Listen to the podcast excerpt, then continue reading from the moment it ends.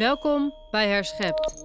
In deze serie onderzoek ik hoe de mens met het maken van een synthetische cel het leven herschept. Hiervoor neem ik een duik in het Nederlandse onderzoek Building a Synthetic Cell, wat in het kort ook wel BASIC wordt genoemd. Tien jaar lang bouwen onderzoekers van zes onderzoeksinstituten aan deze kunstmatige cel. Deze cel zou ons uiteindelijk het antwoord kunnen geven op de vraag hoe het leven werkt. Wat betekent dit voor ons als mens? Wat kan de invloed van een synthetische cel zijn op de samenleving? En hoe denkt een internationale groep experts hierover? Dat ga ik in deze aflevering onderzoeken.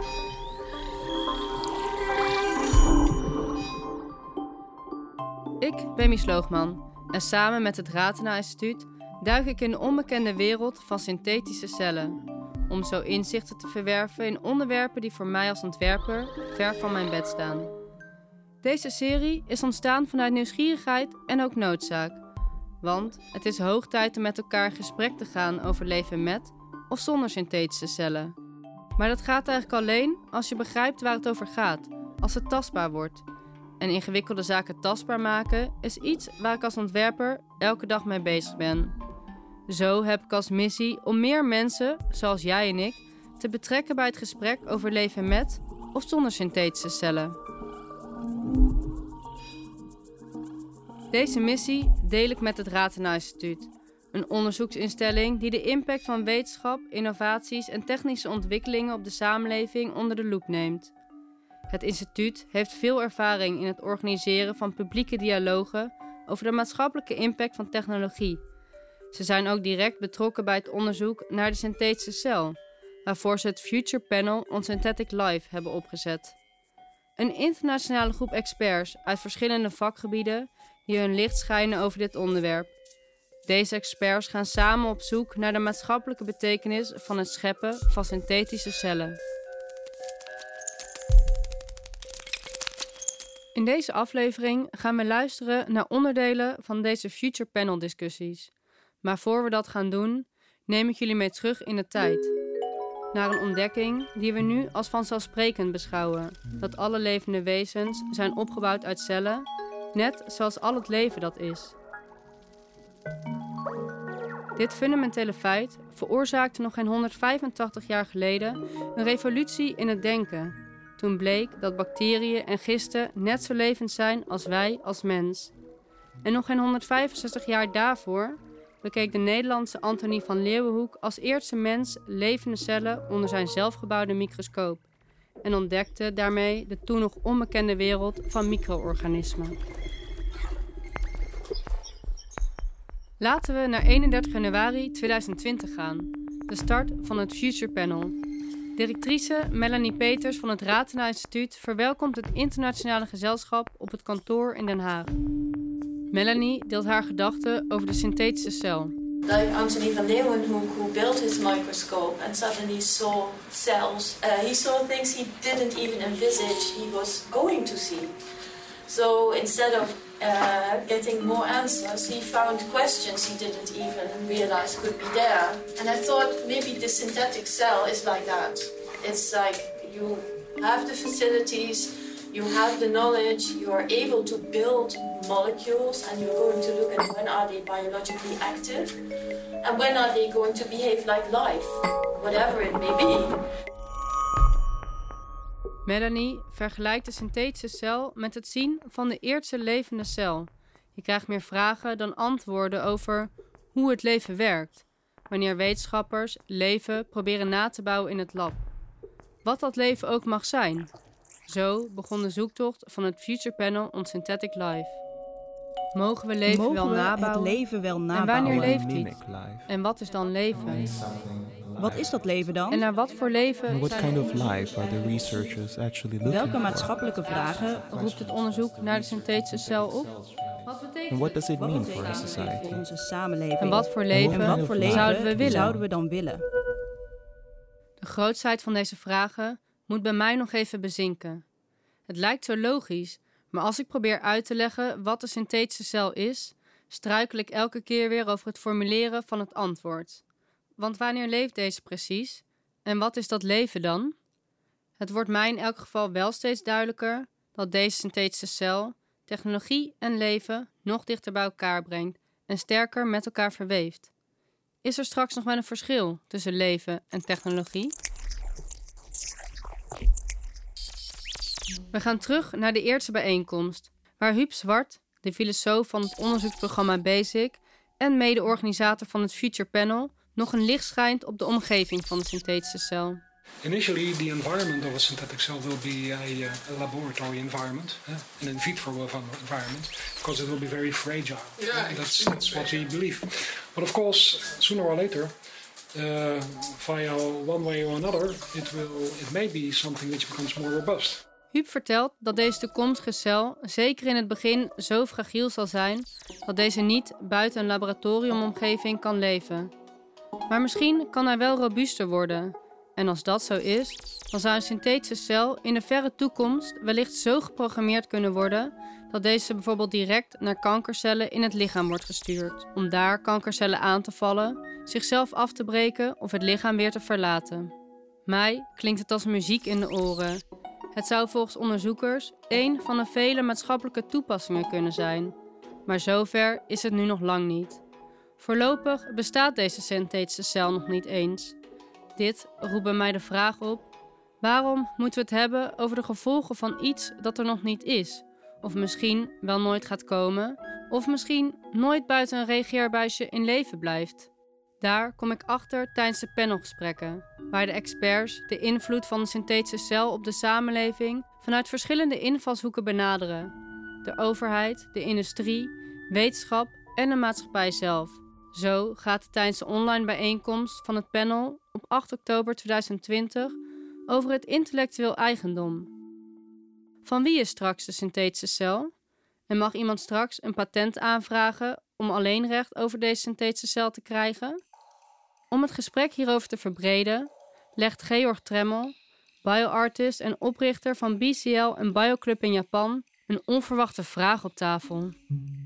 So we're talking about patents on synthetic cells, and in cases where those uh, cells would have biological ancestors or biological parts, what about the property rights or the rights of these uh, synthetic, synthetic cells? So will this synthetic life has rights on its own? Ah. Sorry, I destroyed this completely. Georg vraagt zich in de discussie over patenten af of de synthetische cel zelf ook rechten heeft als het een levend organisme is. We lachen erom bij gebrek aan een antwoord. Als het gaat over de patenten, blijkt in deze discussie al snel dat het huidige systeem onderzoekers en bedrijven in staat stelt onderdelen van de synthetische cel te patenteren. Wanneer we dit niet willen, is het nodig wet en regelgeving gelijktijdig mee te ontwikkelen. Ondertussen ontstaat er in een andere breakout room een gesprek over de veiligheid en risico's van deze synthetische cel. Cecile van der Vlucht, risicobeoordelaar bij het RIVM, deelt de visie van een gespreksgroep. From my point of view, I was thinking about risk assessment, like uh, thinking about all kind of elements which are doing hazard to human health and the environment. However, in our group, we discussed that this is the time to broaden up this discussion.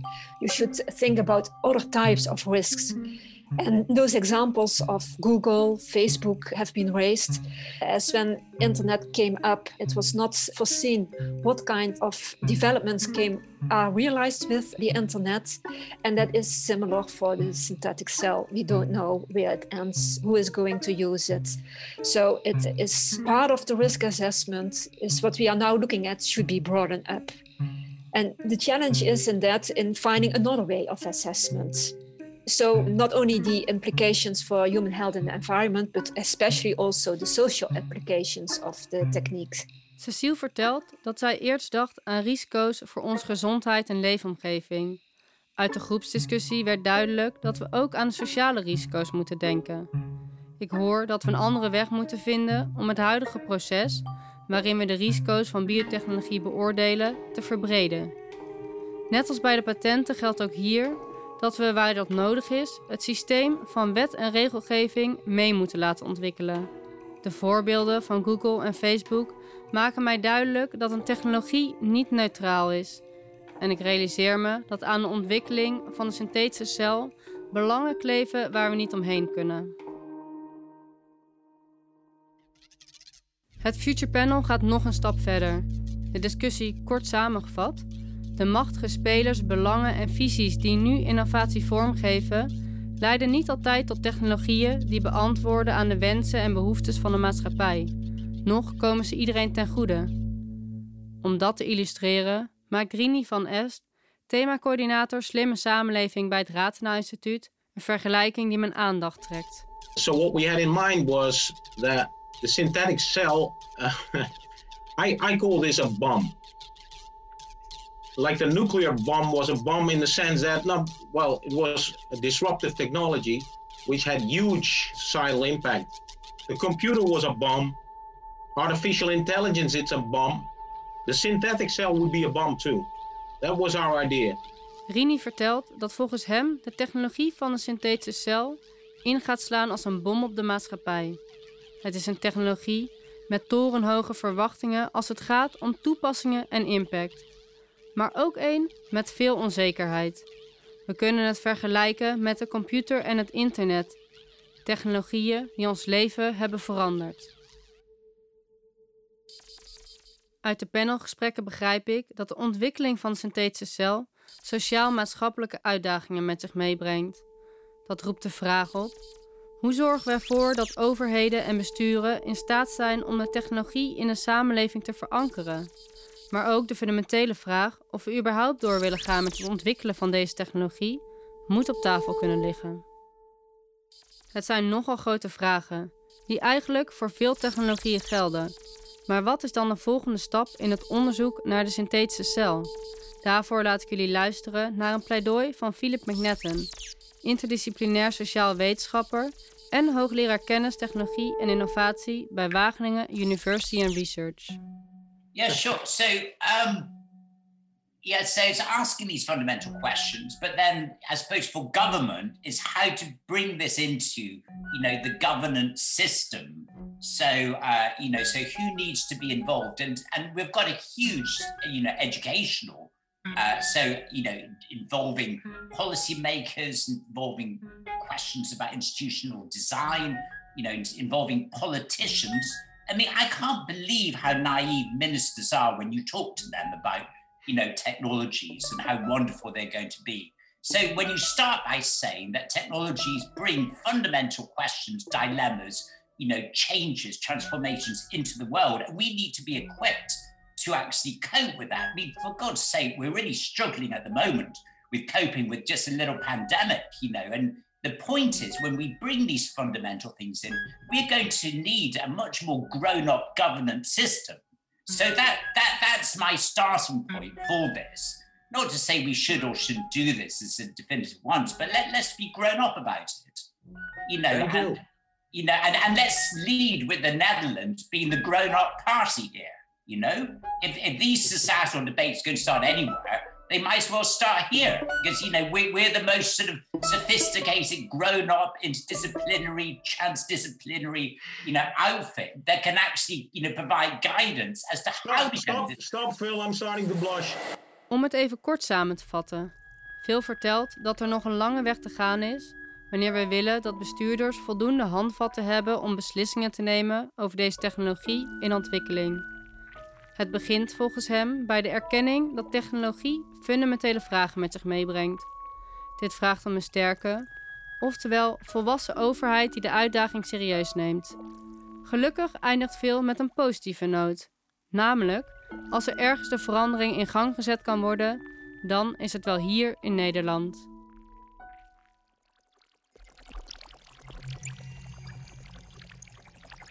Het begint mij langzaam te dagen dat het niet zozeer gaat over de invloed die de synthetische cel heeft op de samenleving, maar dat het ook gaat over de invloed van de maatschappij op de synthetische cel. Dat je dit fundamentele onderzoek niet los kunt zien van de context waarin deze cel ontwikkeld wordt. En dat we het eigenlijk niet eens moeten hebben over wat voor soort synthetische cel we zouden willen, maar wat voor wereld we daaromheen willen. Ik vergelijk het met een auto.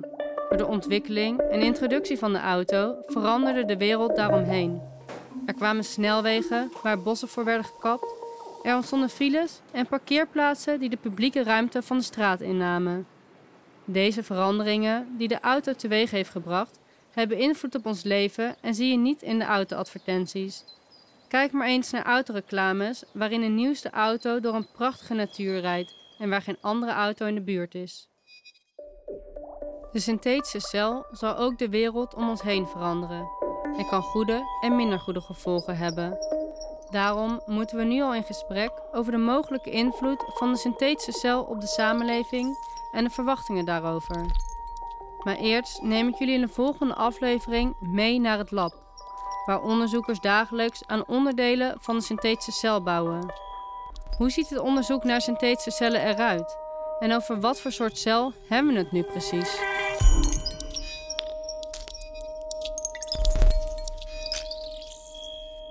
Dit was Herschept. Audiomateriaal afkomstig uit gesprekken van het Future Panel on Synthetic Life. Techniek Ivan van Wijk. Muziek Luc Andrea Baraldi. Eindredactie Mies Loogman en het Ratena Instituut. Advies Hanna van Lutterveld. Met veel dank aan Rini van Est, Kira Delsing, Rachel Visser en Michelle Habets. Dank ook aan alle mensen van het Future Panel on Synthetic Life en natuurlijk ook aan de Stimuleringsfonds Creatieve Industrie die deze serie mede mogelijk heeft gemaakt. En ter nagedachtenis aan Melanie Peters, directeur van het Ratena Instituut van 2015 tot 2021, overleden op 11 augustus 2021. Om alle afleveringen te beluisteren, ga naar onze website synthetischecel.nl slash herschept of abonneer je op onze podcast. Dankjewel voor het luisteren. Volgende keer in Herschept neem ik een kijkje in het lab. Heb je ondertussen een vraag gekregen? Laat het ons weten via herschept.synthetischecel.nl